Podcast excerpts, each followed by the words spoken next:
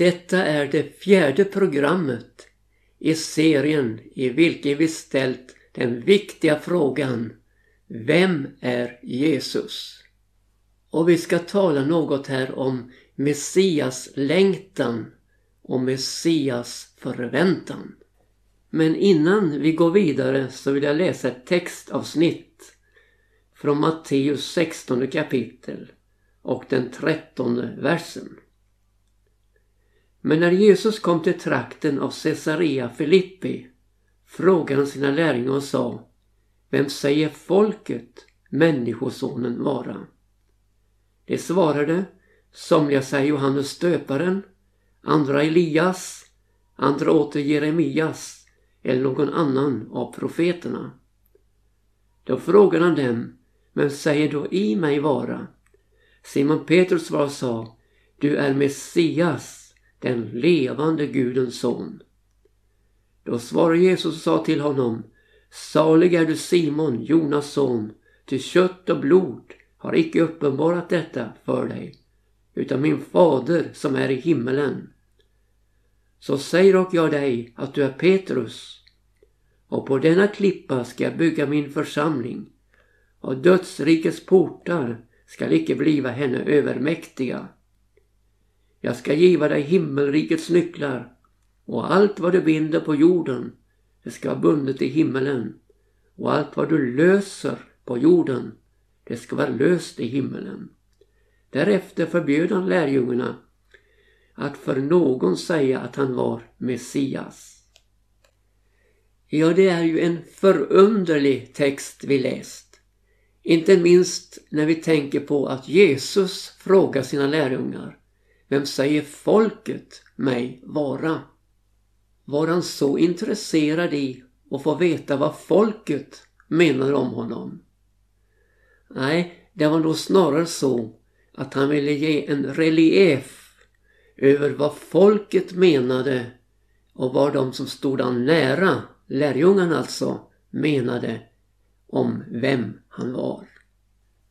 Och just detta framträder ju oerhört klart då Petrus säger Du är Messias, den levande Gudens son.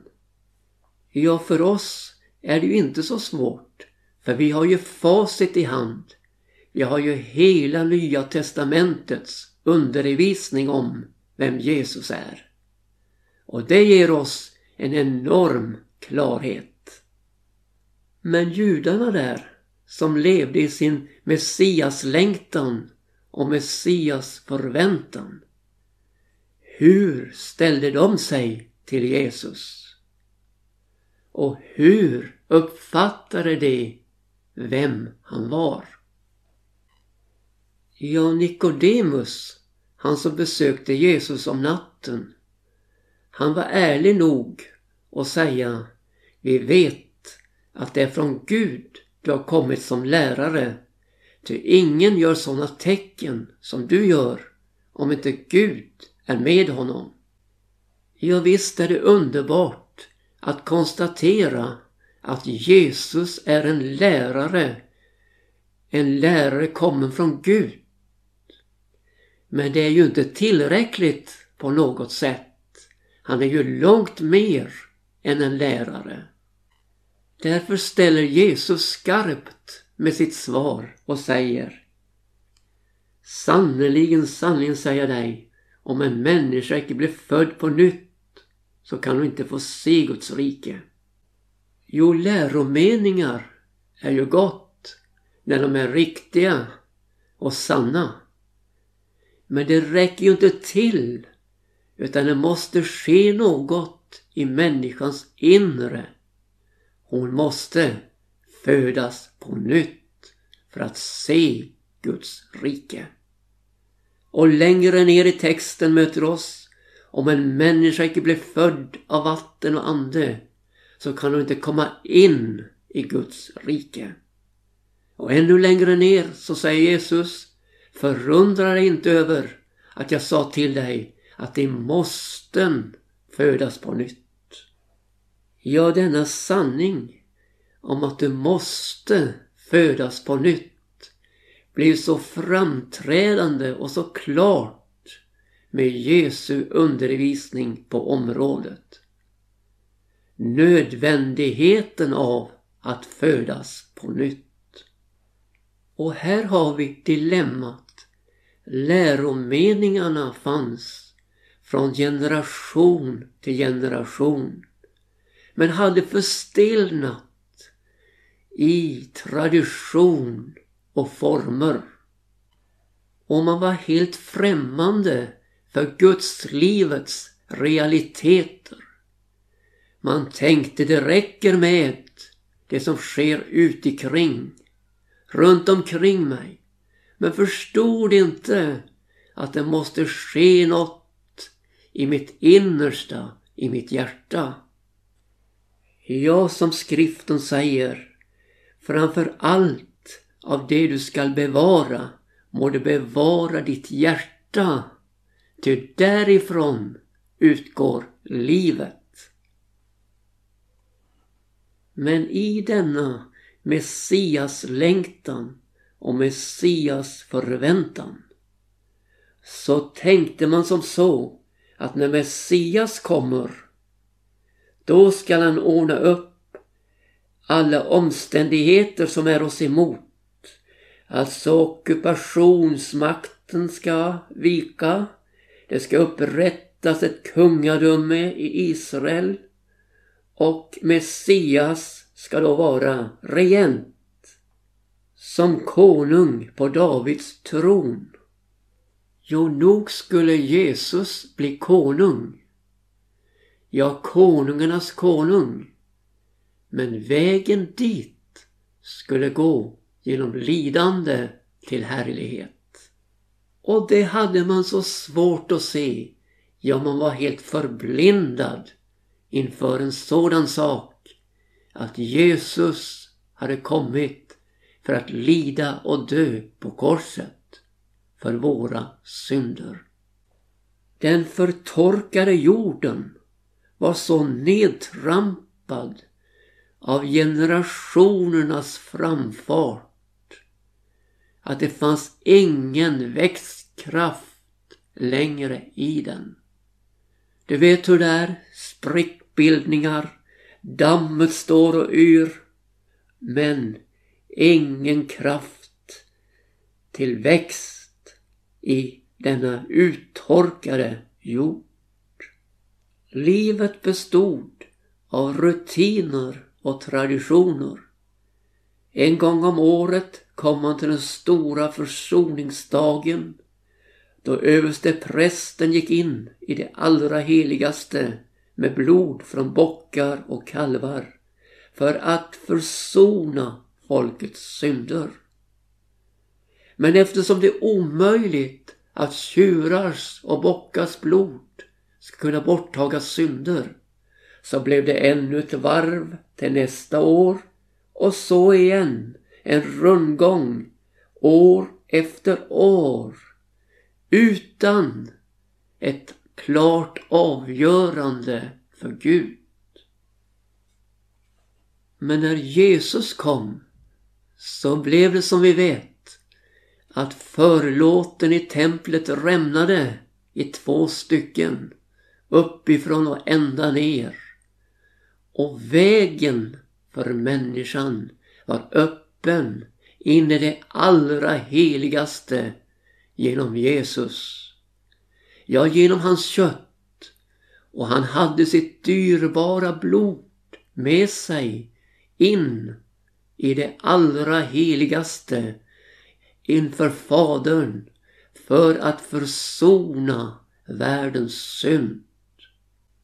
Och så invigde han en ny och levande väg in, halleluja, i det allra heligaste, ja in i själva himlen. Där du och jag får vandra i Jesu fotspår hemåt mot himlens härliga land.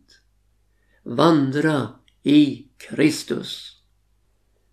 Det måste stå helt klart för oss att Messias, Jesus Kristus, var inte den döda religionens företrädare. Inte traditionens förespråkare. Men han är Messias, den levande Gudens son. Det är helt förfärligt vad tradition kan blockera vägen när man ska möta Gud. Vi vet att när Jesus blev född så kom vise män från Östens länder för att bringa honom sin hyllning. Och de tog för givet att den nyfödde judakonungen, han måste vara född i palatset. Och därför kom han till Herodes. Men Herodes han blev förskräckt inför budskapet att en nyfödd judakonung var född. Och han samlade till sig de överste prästerna och de skriftlärde för att få veta var skulle Messias, judakonungen, födas. Och svaret han fick var ju så tydligt och klart. I Betlehem i Judeen. Ty så här är skrivet hos profeten. Du Betlehem, du judiska bygd, ingalunda är minst bland judafurstar. Till av dig skall utgå en furste som ska vara en herde för mitt folk Israel. Detta profetens budskap borde få dem i all hast och dra till Betlehem för att se den nyfödde judakonungen. Men inte. Engagemanget uteblev och man fortsatt sin gilla gång med sin gudstjänstutövande efter tradition och dess föreskrifter. Det är detta som är så typiskt för traditionen. Man är inte på plats när Gud uppenbara sig. Ja, de vise männen fick se det nyfödda barnet som låg i krubban. De fick se den nyfödde judakonungen. Något som de skriftlärde gick miste om på grund av att de var så tröga på stegen genom hjärtat hjärtats förstockelse. Men så var det ett par andra gamla kämpar som verkligen var på plats. Jag tänker på Simeon i templet och jag tänker på Hanna som också var på plats när Jesus bars fram i templet. Simeon, han var inte trög på stegen. Han kom genom andens tillskyndelse till helgedomen när Jesus bars fram. Han väntade på Israels tröst, alltså på Messias. Och helig ande var över honom. Ja, hur underbart är det inte med andens liv och ledning. Det för oss in i centrum av händelserna. Det för oss in i centrum där Gud uppenbarar sig. Simeon, han uttrycker det så underbart. Herre, nu låter din tjänare vara hädan i frid efter ditt ord. Ty mina ögon har sett din frälsning, vilken du har berett till att skådas av alla folk. Ett ljus som skall uppenbaras för hedningarna och en härlighet som ska givas åt ditt folk Israel. Och hans vittnesbörd blir ju så oerhört klargörande för han visste vem Jesus var. Han säger Mina ögon har sett din frälsning. Och i detta uppenbarelsens ljus så ser han, jo Jesus, ett ljus som skall uppenbaras för hedningarna och en härlighet som ska ges åt ditt folk Israel. kan du se han där i templet. Där ceremonierna fortsätter som alltid. Men det sker något helt underbart där.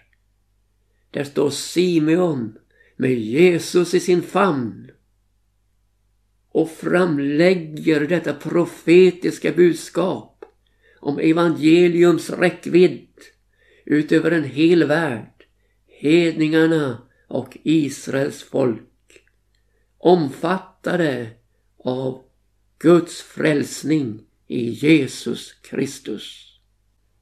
Ja, där står han, inte i ceremonierna och traditionernas grepp, men han står i uppenbarelsens ljus och talar om Guds frälsning i Jesus Kristus. Det blev säkert en underbar hemfärd för den gamle Simeon. Och likaså för Hanna som har tjänat Gud i templet dag och natt med fastor och böner. Ja du, de kände till vem Jesus var när han kom. Därför att de levde i uppenbarelsens ljus. I en levande Guds relation. Men hur annorlunda är det inte då? När man kan ha en Messias längtan, en Messias förväntan som är så vid sidan av att man inte känner igen Jesus när han kommer. Vi har det så klart beskrivet i Jesaja 53 och jag läser då ifrån första versen där. Men vem trodde vad som predikades för oss? Och för vem var Herrens arm uppenbar?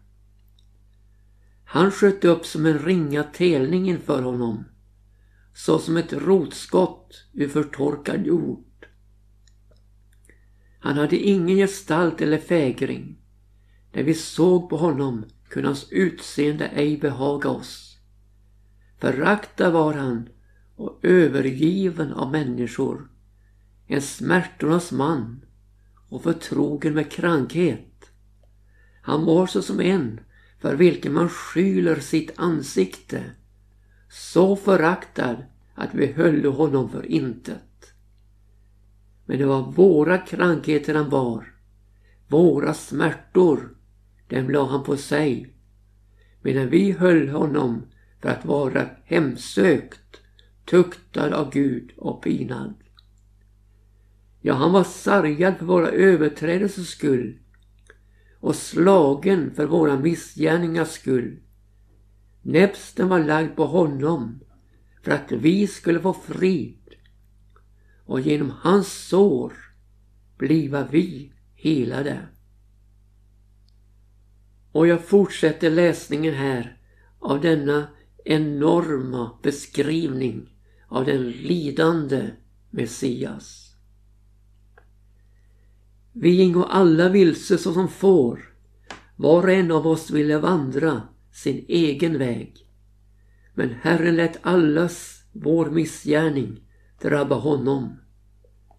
Han blev plågad fast han ödmjukade sig och icke öppnade sin mun. Lik ett lamm som förs bort att slaktas och lik ett får som är tyst inför dem som klippa det. Ja, han öppnade icke sin mun. Undan våld och dom blev han borttagen. Men vem i hans släkte betänker detta?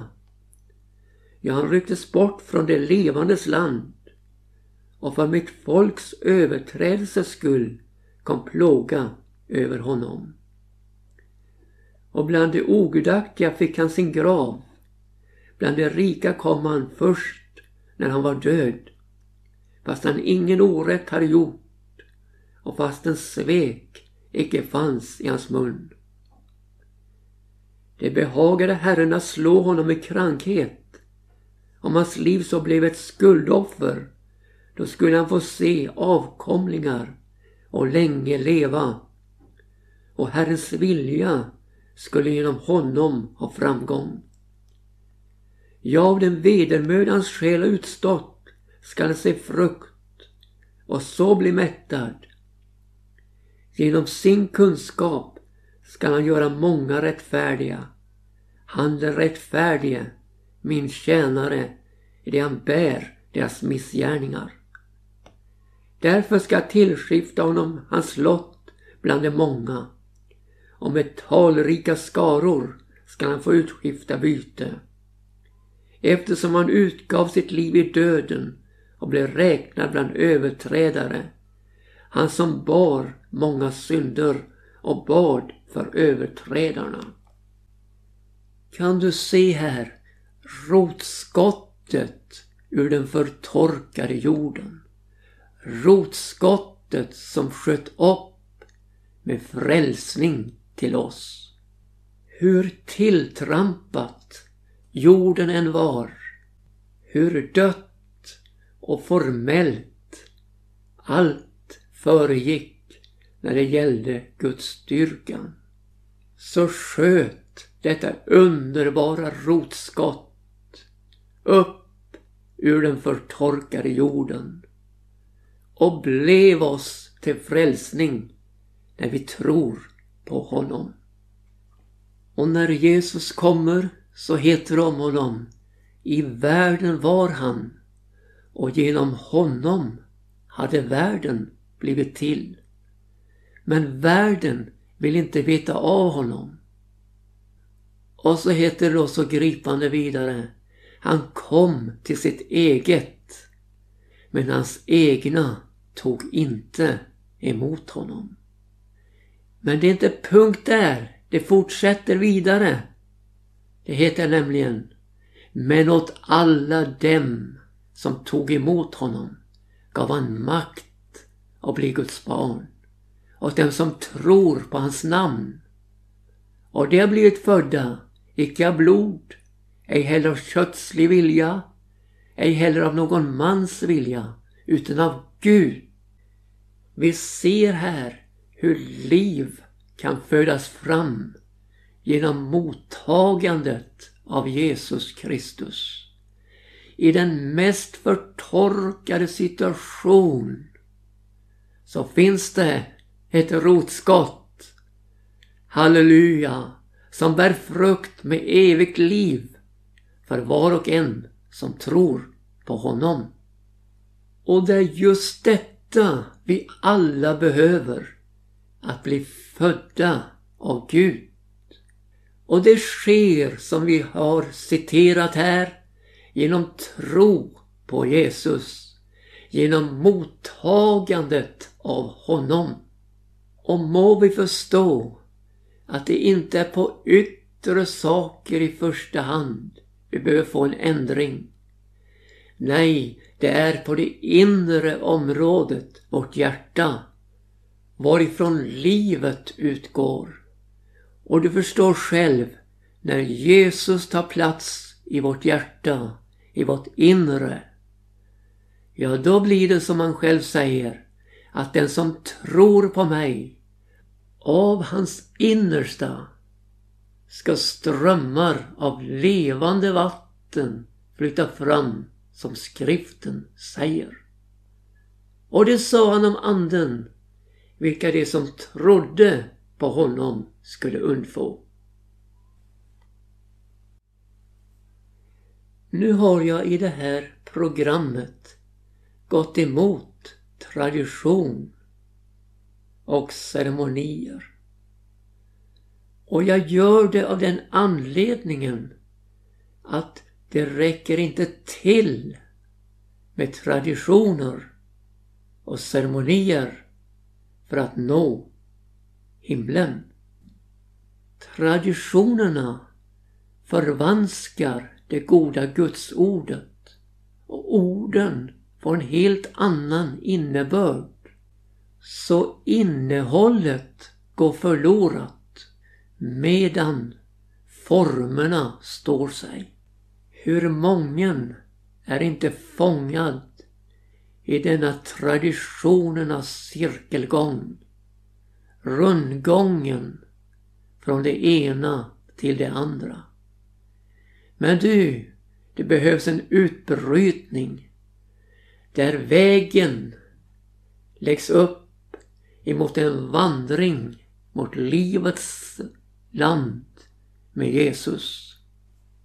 Därför heter det Låt om oss gå ut till honom, till Jesus, utanför lägret och bära hans smälek. Himlen, den är utan traditioner. Himlen är fylld av liv, fylld av människor uppståndna med Kristus som fått sina synder förlåtna genom Jesu blod och fått liv i Gud genom på nytt födelsens under i deras liv. Jag hoppas min vän att du tillhör den skara som blivit födda på nytt och fått liv i Gud. Om inte så finns det möjlighet också för dig här och nu att ta emot Jesus i ditt liv. Genom tro på honom så får du makt att bli ett Guds barn. Född av Gud.